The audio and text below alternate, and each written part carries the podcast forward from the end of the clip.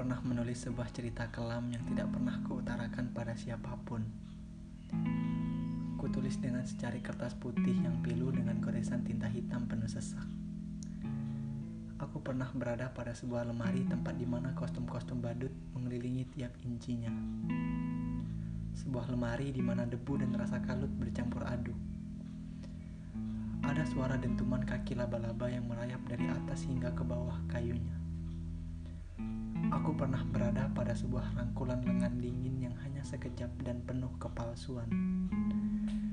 Mengajari jiwa ini sebuah arti tentang memperjuangkan sesuatu yang sia-sia. Mengajari diri ini untuk lebih baik pergi daripada merusak seseorang.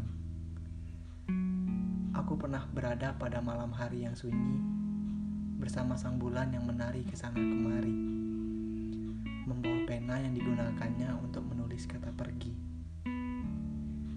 Debu-debu dari sebuah foto lama mulai berterbangan di kala tangan ini berusaha meraih sebuah kejadian lama yang terekam. Terekam pada sebuah album foto bertuliskan kenangan seperti layaknya rumah, ada pulang dan pergi. Seperti layaknya pertemuan, ada bertemu dan berakhir. Aku tahu sebuah tempat yang cocok untuk menggambarkan semua ini. Rumah sakit. Kau sakit, kau mencari diri ini berharap pulih. Kala semua ceritamu telah usai, kau pergi tanpa ada rasa ingin kembali. Aku memang terlalu bodoh dan naif di kala pertama dirimu mencium jiwa ini. Aku memang terlalu bodoh untuk mengerti yang namanya romansa cinta duniawi. Aku memang terlalu bodoh untuk terlalu baik dan sumringah senyum kepadamu.